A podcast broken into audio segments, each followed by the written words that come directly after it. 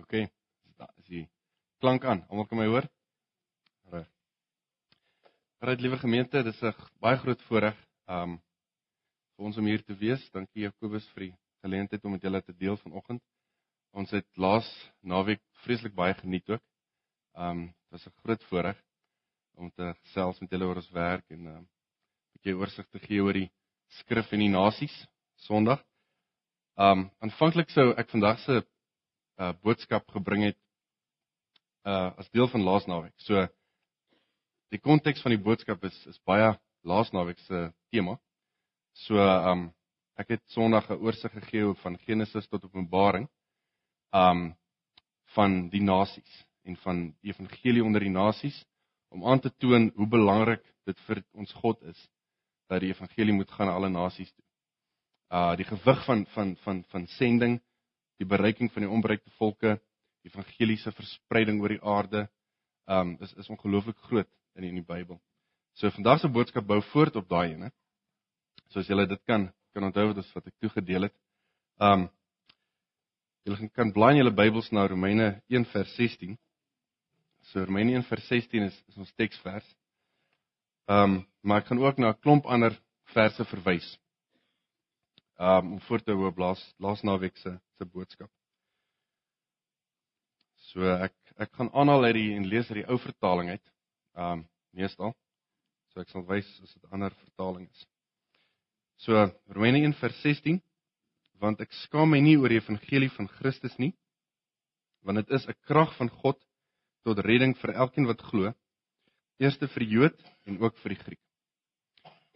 Goed, so dis ons teks. So wat ek wil deel vandag kan ek opdeel in 3 3 hoofpunte. Eerstens gaan ons kyk na na die evangelie. Wat is die evangelie? 'n Paar woorde oor die evangelie self. Tweedens, wat doen ons met die evangelie? Wat is ons mandaat met die evangelie? Wat behels dit?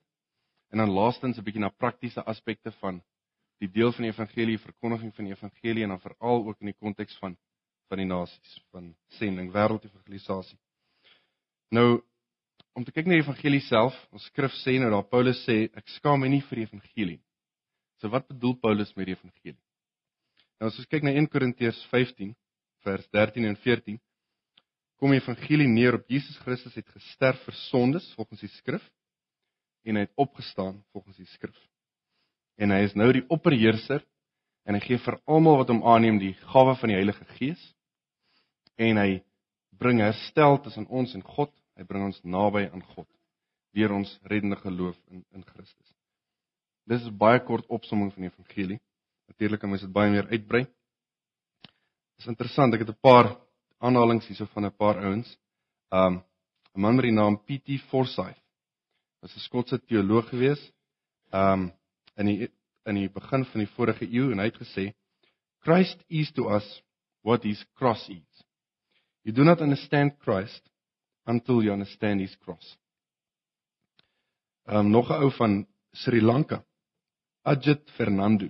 Is 'n is 'n is 'n misioloog van Sri Lanka. Hy het gesê When Jesus says in John 14 verse 6 that he is the way, he means that you will become the way through his death. En dit is in die konteks van Johannes 13 waar Jesus praat met sy disippels oor hoe hy sy Vader gaan verheerlik en wat is op pad nadat hy by hulle was, verwys hy spesifiek na sy kruisdood. So as Jesus sê I'm the way, the truth and the life, ek is die waarheid, die weg en die lewe, moet ons dit ook verstaan in in konteks van van sy kruis van die evangelie self. Um ek weet in in hierdie gemeente word die Bybel baie in diepte uitgelê en en daar's baie ryk teologie hierso. Um so net 'n paar terme wat te doen het met die evangelie wat aan ons baie bekend is.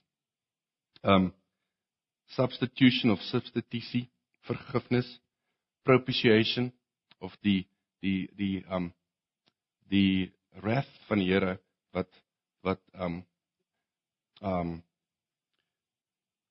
verskoon tog my Engels wat ek so insit tussenin want ek ek leef baie maar baie in 'n Engelse en Arabiese wêreld. Afrikaans is baie groot daar nie. Um redding, redemption, geregtiging of justification en dan reconciliation. God bring ons uit by homself deur sy seun se offer aan die kruis. Dis alles goeters wat te doen het met die evangelie. En ons is ons is baie bewus van dit en bekend met dit die van ons wat gelowiges is. Um en dis wonderlike konsepte. So om op te som, Jesus is die antwoord op al ons vrae. Hy is die satisfaksie waarvan waarvoor ons gemaak is. En wat wonderlik is, Jesus verander nooit nie. Hy's vol genade en waarheid en die waarheid wat wat wat in Jesus is en wat in die skrif is, verander nooit nie. Dit is objektief en is onbeweeglik en standvas. Nou reddende geloof is meer as net om te erken dat Jesus gesterf het aan die kruis, nê. Nee. Um Jakobus het 'n paar weke gelede gepreek oor Johannes 6 uh in die teksvers waar Jesus sê hy wat my vlees eet en my bloed drink, het die ewige lewe en ek sal hom opwek op die laaste dag. So reddende geloof is meer as om net te glo Jesus te sterf. Dit is ook om helsing van Jesus. Dis om deel te word van Jesus. Dis om hom te erken as jou treasure of jou ware skat, dit wat regtig waardevol is in die lewe. Dis Jesus en dit is deel van van reddende geloof. nou voor ons voortgaan, as ons kyk na sending, is die aanname dat ons almal gelowiges is, nê? Nee, want ons kan nie gaan met die evangelie as ons nie self Jesus ken nie. So as daar iemand is hier wat nog nie vir Jesus ken nie, um roep die Here aan terwyl dit nog terwyl nog tyd is. Praat met een van die ouderlinge, een van die leiers in die gemeente. Um soos dit sê in Romeine 10 vers 12 tot 13. Um elkeen wat die naam van die Here aanroep sal gered word. Terwyl nog tyd is, moet ons die Here nou aanneem. Alraai, dan om af te sluit oor die evangelie self. Dit is baie interessant as jy kyk na die Bybel. Um hoe hoe hoe werk God gewoonlik wanneer hy mense red? Ons het nou die evangelie en ons het Jesus wat vir ons die weg oopmaak. Maar hoe bring ons die twee bymekaar uit? Nou, is baie interessant as jy sien Johannes 17 vers 20 waar Jesus bid tot God die Vader. Spesifiek bid hy vir sy disippels, nê. En wat hy sê is ek bid nie net vir elkeen van hulle nie, die disippels nie, maar ook vir die wat deur hulle woord in my sal glo. So ons God sien werk deur die eeue is deur sy woord, die verkondiging van sy woord. God se woord word verkondig deur sy disippels toe en nou deur ons vandag. En dit is hoe hy mense se oë oopmaak en hoe hy mense se harte oopmaak. Soos Lydia toe Paulus gepreek het. Uh eerste keer aan in in uh in in in um uh onder die heidene daar in in Filippi nê. Um God opened their heart to give heed to the word. Paulus preek en die Here maak die harte oop. Um maar is ook wonderlik soos ons weet, die Here red nie net wanneer iemand sy hart vir die Here gee, is daar justification as redding, daar's wedergeboorte, maar dit stop nie daar nie. Soos ons sien in in Filippense 1:6, hy wat die goeie werk in julle begin het, sal dit volëindig tot op die dag van Christus. So iemand wat Christus er, uh, Heilige Gees ontvang het, wat Jesus aanneem, word gered maar hy gaan ook in 'n proses van heiligmaking om meer soos Jesus te word. Ons word gered vir 'n doel. 'n Doel naamlik om meer soos Jesus te wees en om dan deel te wees van sy verkondiging van van die goeie boodskap. Um as ons gevul word met die Heilige Gees, kry ons meer en meer die vrug van die Heilige Gees, nê? Nee. Liefde, vreugde, vrede, geduld. En daai vreugde waarvan ons gesing het nou ook, Ek dink God se model is dat hy vreugde ons so moet vul dat ons nie meer vir onsself kan hou nie, maar dat ons dit moet deel met almal rondom ons en dan vir al die nasies. Sien 'n mooi prentjie hiervan in 2 Korintiërs 8 vers 2. Waar Paulus um praat met of van die gemeentes in Macedonië. Hy sê die gemeentes daar het baie beproewinge onder, ondervind dat onder baie beproewing deur verdrukking hulle oorvloedige blydskap by hulle diepe armoede oorvloedig was in ryke milddadigheid. So hierdie gemeentes was baie beproef, hulle het baie moeilikheid gehad. Maar ten spyte van dit het hulle so baie vreugde gehad dat hulle vreugde in God en in Christus oorgevloei het en hulle het uit hulle armoede geld gegee vir die Jode in Joodse gelowiges in in Palestina of in Israel. Dis die konteks hierso.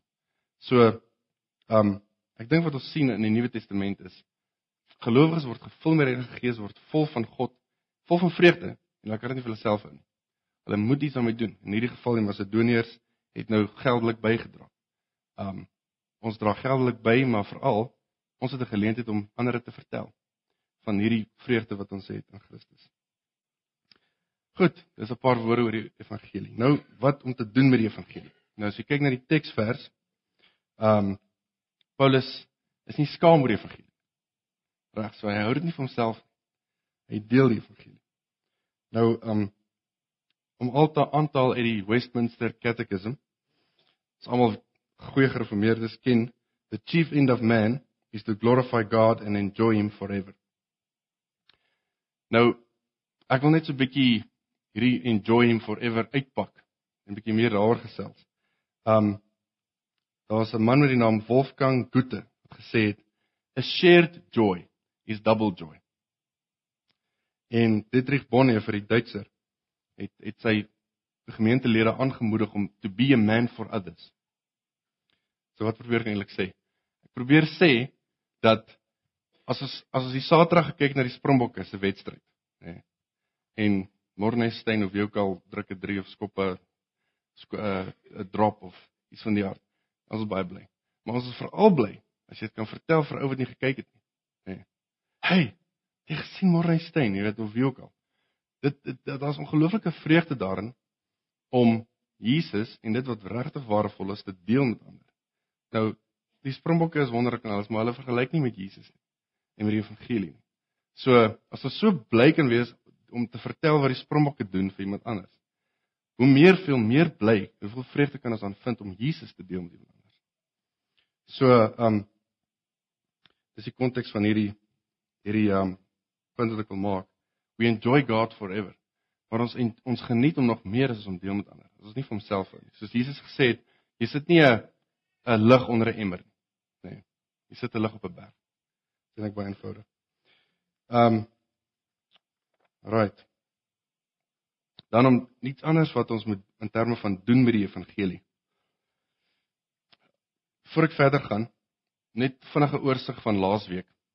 Ehm uh, wat ek gesê het, laasweek het ek gekyk na Genesis na Openbaring om aan te toon dat dat Here se hart gelooflik klop vir die verkondiging van die evangelie oor die hele wêreld. 'n Paar hoogtepunte van daai klomp verse. Uh beginnende in Genesis 12 waar die Here sê vir Abraham: "Ek gaan jou seën, ek kies jou, maar ek kies jou nie net vir jouself nie. Ek kies jou sodat jy tot seën kan wees vir alle nasies." Dis waar God begin met sy openbaring in Genesis.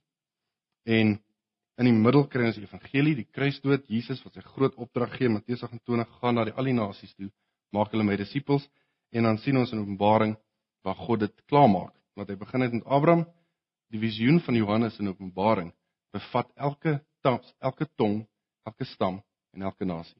Openbaring 5 vers 9.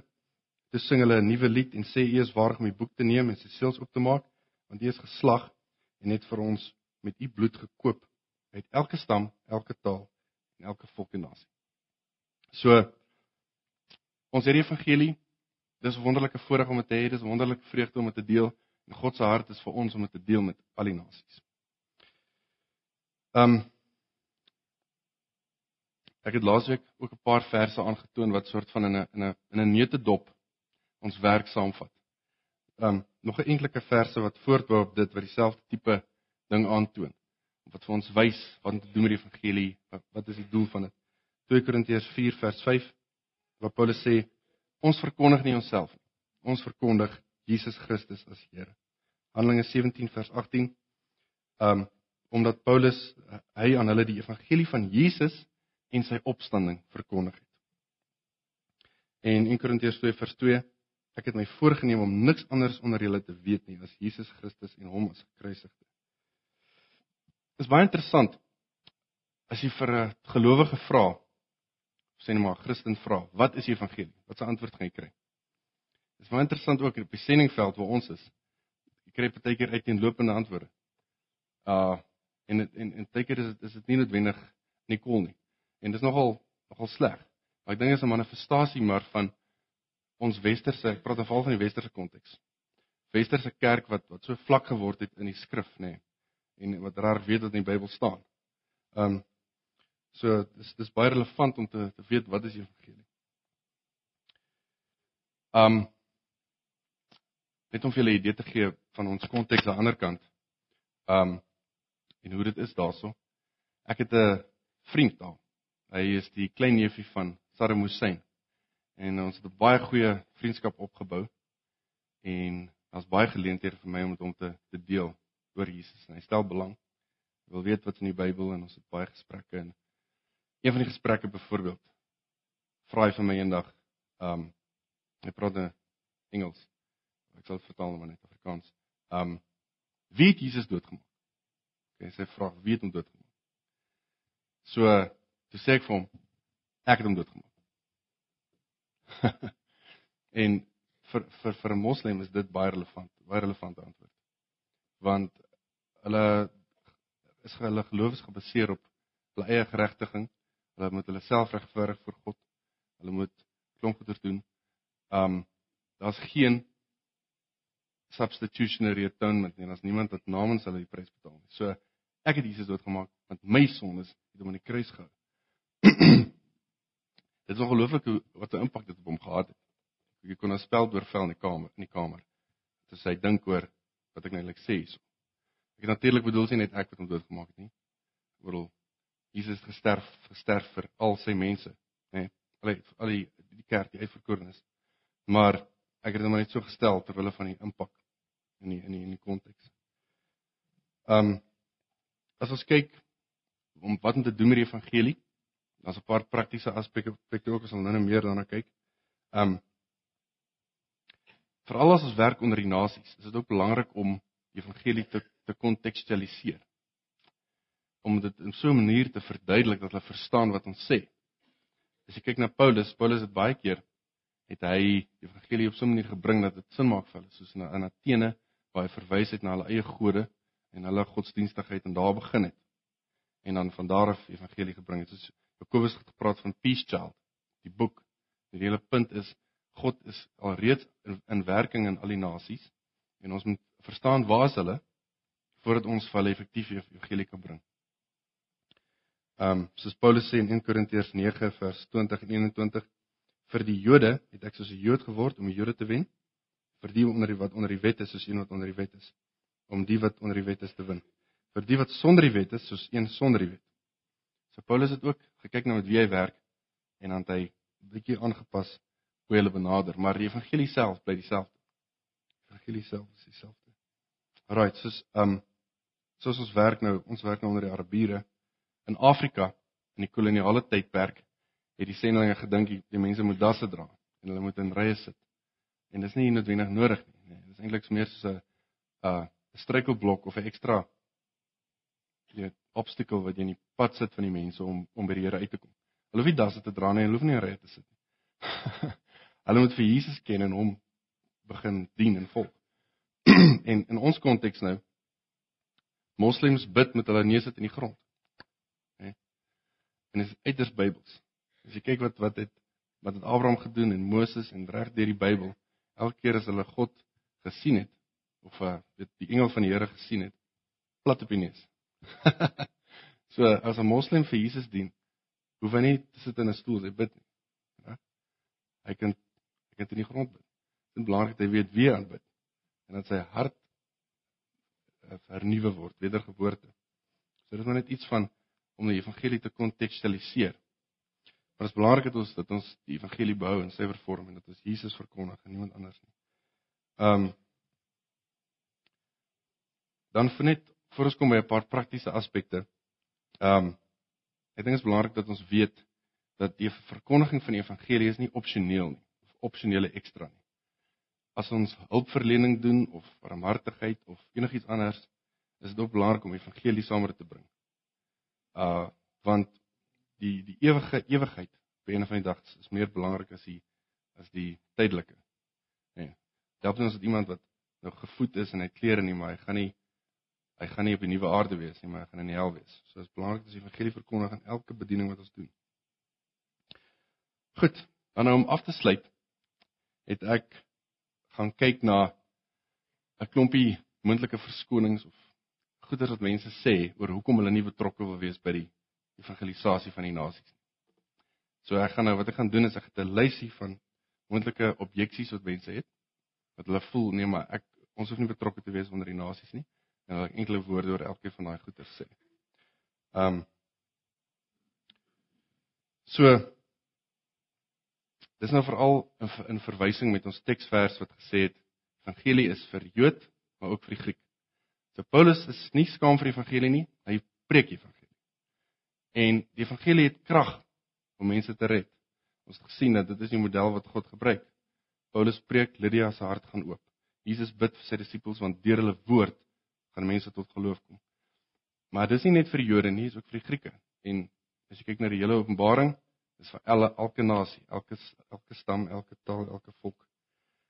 En ehm um, dis ons almal, dis ons kerk se roeping, dis ons groot opdrag wat die Here vir ons het. Right. Nou, hier's 'n paar goeie wat mense kan dink, maar wat van dit, wat van dit? Nommer 1. Ehm um, mense kan sê dis nie lekker nie of ek het dit nie nodig nie. Ehm um, dis baie interessant wat John Piper sê oor dit. Ek het al nou vir John Piper hierso aan. Uh hy hy bied elke een keer 'n jaar doen hy 'n preek soos dit, 'n sendingpreek in sy gemeente. En hy het hierso gesê uh 2 jaar terug. John Piper, you were made for this. Dis nou die evangelie verkondiging onder die nasies. Hy sê dit vir sy gemeente. I mean all of you who say from the heart Jesus is Lord When you confess Jesus as the Lord of the universe, you sign up for significance beyond all your dreams. I mean businessmen, homemakers, students. To belong to Jesus is to embrace nations for which he died and he will rule. Your heart was made for this. And there will always be a serious or mild sickness in your soul until you embrace this global calling. Um Ek glo dat gelowiges en kerke wat wat nie betrokke is by die verkondiging van die evangelie onder al die nasies nie, is besig om 'n essensiële komponent van hulle identiteit in Christus uit te vee. Of deur deur ongehoorsaamheid of net deur oningeligtheid. As ons nie as ons nie as ons 'n lig onder 'n emmer is en ons is nie besig met die evangelie onder die nasies nie, dan is ons um soos geestelike kinders van Jona wat die voordele van uitverkiesing vir onsself wil toeëien maar wat nie die verantwoordelikheid, die vreugde uh wil deel om medewerkers van die evangelie te wees nie. En um ek kan vir julle 'n goeie voorbeeld gee van so 'n gemeente. Ons het in die, in die in die Midde-Ooste is ons deel van 'n ek wil nou nie oor krities wees nie, maar ons is deel van 'n gemeente daar wat bestaan uit expat werkers wat almal daar werk het, nê, sekulêre werk. Maar die gemeente is heeltemal intern gefokus. Nê. Dis soos ons is die sout van die aarde maar ons sit binne in die soutpot. Eintlik uit die soutpot uitkom. Hè. Anders is die sout net nutteloos. Beteken niks.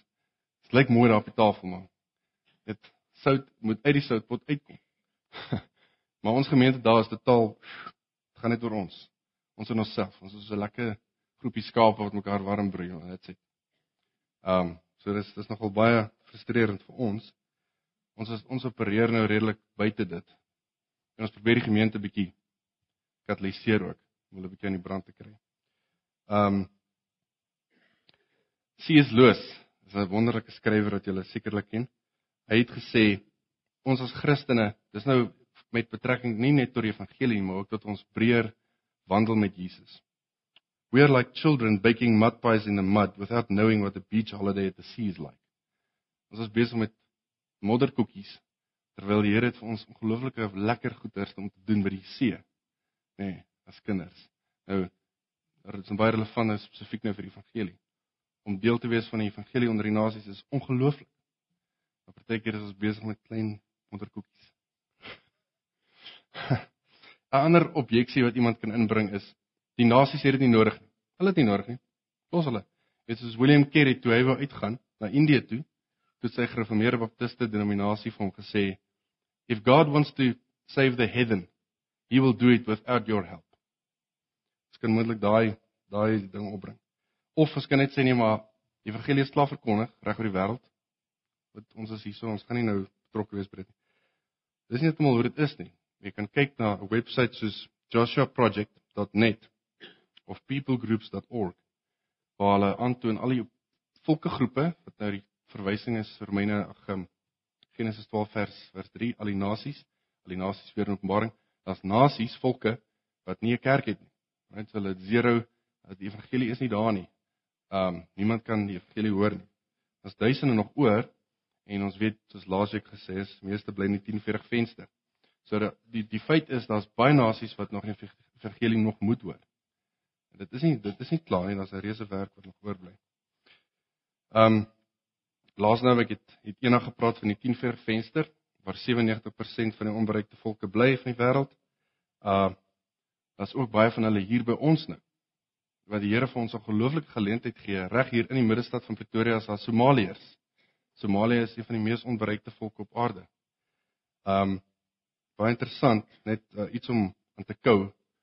En ek wil nou nie uitweid daaroor nie, maar om aan te kou dat die 1040 venster is in Noord-Afrika, Midde-Ooste, Suid en Sentraal-Asië. Australië is nie in die 1040 venster nie. Maar dit is baie interessant dat ons gereformeerde baptiste, ek my stuur baie mense Australië toe, maar baie min 1040 venster. Gaan dit nou daar laat. Nog 'n moontlike objeksie is um dat dit niks met Jesus te doen het. Ons volg Jesus, ons besig met Jesus, maar wat het verkondiging onder die nasies met Jesus te doen? Wel,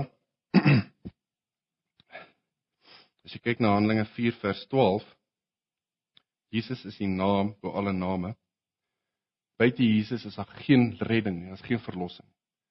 So die implikasie is almal wat nie vir Jesus ken nie, na die kruis gaan hel toe. So ehm um, daar's 'n daar's 'n groot erns om Jesus te verkondig onder die nasies, onder die wat nog nie gehoor het nie, want hulle gaan hel toe. En hier's interessant, Jesus is die een wat die meeste gepraat het oor die hel in die hele Nuwe Testament omtrent.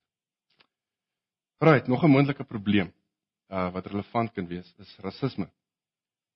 Rasisme kan 'n probleem wees dat ons nie betrokke is by evangelie onder die nasies nie.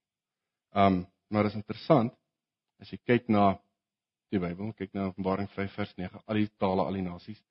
Kyk nou wat doen God vandag waar die weste koud geword het vir die evangelie. Afrika en in die in Indië is waar die evangelie groei. Suid-Amerika, dan beteken dit as ons op die nuwe aarde bly, uh na Jesus teruggekom het, gaan ons deel wees van 'n mensheid van al die kleure, al die nasies. Jou buurman gaan nie 'n wit persoon wees teen teen nie. En um as ons nie dit omhels nie, kan dit ons weghou van uh, verkondiging van die evangelie af. Maar die wonderlike nuus is dat Jesus, net soos hy ons verander, ons harte verander op klomp terreine, kan hy ook rasisme uit ons uithaal. Hy kan hy ons daai area ook sy diversiteit van sy skepping laat omhels dat ons kan kan deel wees van wat hy wil doen. Nou, nog 'n probleem kan wees, ek gaan die redreis verloor. Nee, ek gaan nie die rykste ou op aarde wees as ek doodgaan as ek na die 10 venster toe gaan of na die Somaliërs toe besig is in die middestad en ek kan nie 80 ure werk per week nie. Um maar die die die ironie is al ons geld wat ons hierso bymekaar maak is net geldig vir 80 jaar. As ons die emmers kop beteken jou bankbalans niks nie. Um miskien het jou kinders dan 'n bietjie geld maar beteken dit dan hulle na 80 jaar is dit ook weg. Goeders wat regtig tel vir ewigheid is hemelse skatte. Soos Jesus sê in Matteus 6 vers 20. Maak skatte in die hemel bymekaar, nie op aarde nie. Ons moet 'n ewigheidsperspektief hê. As ons wil belê, moet ons belê vir die ewigheid. Johannesburg se effekte beurs is net vir nou. Hy gaan nie vir jou belegging vir die ewigheid gee nie. Right. Ehm um, moontlike ander probleem is ek kan nie my werk los nie. Uh ek geniet my werk, my professie. Nou wat ongelooflik is in vandag se wêreld, hoef jy dit nie te los nie. Uh in baie kontekste kan jy jou professie nog steeds beoefen. Party kontekste kan jy dit nie beoefen. En die Here roep mense van verskillende gawes vir verskillende kontekste. Um, byvoorbeeld Daar by ons nou moet jy 'n professionele persoon wees om in die land te bly. Jy nie opsien. So jy jy hoef nie eers jou werk te los nie. Soos Paulus kan ons tentmakers, ons kan ons werk doen en is deel soos laasweek gehoor het ook deel van ons werk is aanbidding in elk geval. Werk is worship. Work is worship. Um en dan ek's amper klaar. Uh een van my gunsteling aanhalinge is Francis of Assisi always preach the gospel if necessary use words. Alright. Nou hierdie is ongelukkig nie in die Bybel. Ehm um, wat my betref. Dis baie nice Frans of Assisi. Maar en ek respekteer hom as 'n man van God en alles, maar dis nie die Bybel nie. As jy kyk na die Bybel, Romeine 10 vers 17 in Engels, faith comes by hearing and hearing through the word of Christ. Paulus het nie stil gebly nie. Paulus het nie net mooi goetertjies gedoen nie. Hy het gepraat, gepreek en geredeneer. Hy het baie gepraat. OK. So, ehm um, en my ervaring in sending ondersteun dit. As mense hoor van Jesus, dan gebeur daar goeders. Daar's baie moslems wat 'n baie mooi lewe lei. Baie hindoes, Jode, almal bely 'n mooi lewe. Maar hulle praat niks oor die kruis nie. ons is geroep om die evangelie te verkondig verbaal. Nou baie keer sê mense ja, maar jy kan nou nie jy weet wat nou van jou lewe? Jy kan nie net mooi goedjies, jy kan nie net praat as jy lewe dit nie ondersteun nie. Natuurlik moet jy kan nie praat as jy lewe dit nie ondersteun. Dis dit dis natuurlik so. Net soos enigiets anders, as jy enigiets sê wat jou lewe nie wys nie, is dit irrelevant wat jy gesê het. So natuurlik is ons geroep tot 'n heilige lewe en goeie dade en ons moet die armes help en ons moet die die weeskinders help en ons moet ons moet Jesus se liggaam fisies wees ook. Maar dit is nie genoeg vir ons ons, ons mandaat nie. Ons mandaat is ook en veral die verkondiging van van evangelie. En ehm um, ek ek dink ook nie jy hoef 'n ekstrovert te wees om evangelie te verkondig nie. Ehm uh, ek persoonlik is nie noodwendig 'n ekstrovert nie. En ek dink ook nie ek is die mees begaafde evangelis wat daar is nie. Uh al wat nodig is is 'n passie vir Jesus. Dit is selfs die mees introvert persoon kan die evangelie met sy buurman deel. Die vraag is net het hy die passie vir Jesus? Daai intro, daai selfe introvert kan vertel van Morgenstein se skop? As hy kan vertel en opgewonde raak oor Morgenstein se drop, dan kan hy as hy 'n passie vir Jesus het, kan hy Jesus deel. Ehm um, Alright. Ehm um, dan ek's amper klaar. Partykeer sê mense laas naweek het het iemand gesê so jy moet weet dat jy weet dat jy weet voor jy gaan, liewer sê. OK. Nou my persoonlike opinie en my siening is dat dit is nie heeltemal hoe ek dink dit ons moet dink daaroor nie. Um, ek voel eerder jy moet geroep wees om te bly. Want Matteus 28 sê gaan. Reg? En dit is vir al die disippels. Dit is nie net vir daai 12 nie, want die belofte sê ek sal by julle wees tot einde van die van die dae. Einde van die dae het nog nie gekom nie. So daai opdrag is ons almal. Almal van ons is gesê gaan verkondig. Hier, daar, Judea, Jerusalem, reg uit uithoeke van die aarde is vir almal. As jy geroep is om te bly, dan bly jy. Ek sal eerder so omdraai. Ehm um, as om te sê jy moet weet dat jy weet dat jy weet voor jy iewers heen gaan. Uh persoonlik voel ek as jy as jy geroep, as jy voel op jou hart jy wil sing in die kerk of jy wil sonneskool gee, is dieselfde tipe van iets wat jy voel op jou hart van jy wil gaan vir sending of gaan vir die nasies evangelie. Dis niks meer spiritual of meer weet per 'n stem uit die hemel of 'n uh enige meer charismatiese belewing noodwendig nie. Dit kan wees. Maar um ek dink nie ons moet die verkondiging van die evangelie hierdie supergeestelike ding maak van jy moet eers omtrent 'n weerligstraal uit die hemel kry voor jy betrokke raak nie. Dit is glad nie so nie. Ons almal het die opdrag om die evangelie te verkondig. En dit is 'n groot vreugde. So en um Partykeer sê mense nee, maar jy moet eers weet dat jy weet dat jy weet dat jy geroep is voor jy gaan, want net nou as jy in die tronk en dan gaan jy verskillik sleg voel die tronk as jy nie weet jy moes daar gewees het nie. Maar vir ons as goeie gereformeerdes wat verstaan van God se soewereiniteit, behoort dit nie so iets te wees nie. Um God is soewerein. As hy jou in die tronk wil hê, dan hê hy jou in die tronk vir 'n rede. Of as hy jou nie in die tronk wil hê, dan ook nie vir 'n rede nie. Ons moet nie so bang wees nie. Ons moet gaan en uh, verkondig. Dit is 'n groot vreugde. Right, partykeer sê mense ek weet nie waar om te gaan nie. Nou die Here gee partykeer vir mense 'n spesifieke hart vir 'n spesifieke volk of 'n land. En partykeer gee hy nie. Vir my ek nie 'n spesifieke hart vir 'n spesifieke volk nie. Ek sien ek net 'n hart vir God se glorie om oor die hele aarde versprei te word. En veral waar dit nie gehoor kan word, soos in die 10 vir venster. Um so ek dink ons moet wysheid gebruik. Jakobus 1:5 bid vir wysheid, God sal wysheid gee. Kyk wat is in jou hand, kyk wat 'n professie het jy, kyk wat kan jy doen? Waar's daar werk vir jou? Um watter deure maak God in sy soewereiniteit oop vir jou? Dis meer die benadering wat ek soort van voorskryf. As jy nie 'n duidelike riglyn van die Here af het vir 'n plek. Um en dan wil ek net afsluit met twee punte. Um dis in die geskiedenis is dit waar dat as jy kyk tot die mate wat ons glo in die Bybel as die geopenbaarde woord van God en erns maak as die woord van God tot dieselfde mate sal ons uitgaan met die evangelie. En die teenpool is waar. As ons nie glo dis die woord van God nie, dan gaan ons nie uitgaan daarmee nie. Daarom is die teoloë wat van vandag in ons universiteite se kweekskole sit en wat nie glo in die opstanding van Jesus nie, is nie in die 1040 venster besig met die evangelie nie. Want hulle glo nie die evangelie nie. Hulle glo nie die Bybel nie. Maar as jy glo in die Bybel en jy glo in die evangelie en Jesus het jou hart nuut gemaak tot daai selfde mate is jy deel van wat hy wil doen oor die aarde. Dis iets wat waar is in die geskiedenis. Ehm um, en 'n ander ding ook is tot die mate wat ons Engels het baie mooi woord stand S T U N E D. Tot die mate wat ons stand is oor God se grootheid en sy almag en hoe wonderlik hy is. Nee, tot dieselfde mate sal ons opgewonde wees. Al die nasies moet ook 'n deel wees van hom en deel wees van sy redding wat hy vir vir die bied deur Jesus.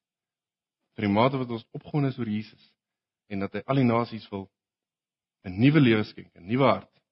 Premate is ons deel van wat hy wil doen. So om op te som, dis 'n groot vreugde om deel te wees van die verkondiging van die evangelie. Uh om die evangelie te deel met iemand wat dit nog nooit gehoor het nie, is ongelooflik. Uh ek ek het die voorreg om dit te kan doen elke nou en dan, want in die in die Midde-Ooste het mense nie 'n idee wie Jesus is nie. Hulle weet wie die paus, Hulle weet wie's Madonna wat 'n kruis op haar om haar nek het en dis omtrent dit. Hulle weet Jesus is 'n profeet, né? Nee? Maar hulle weet nie hy is die koning en die priester en die skepper en die Bybelskrywer en die verlosser nie. Um so om vir hulle te kan deel wie hy is en hulle uit te nooi is ongelooflik lekker. So, um dankie vir die geleentheid en uh onthou ook dat as iemand uh na ons toe wil kom, ons het mense nodig daar by ons.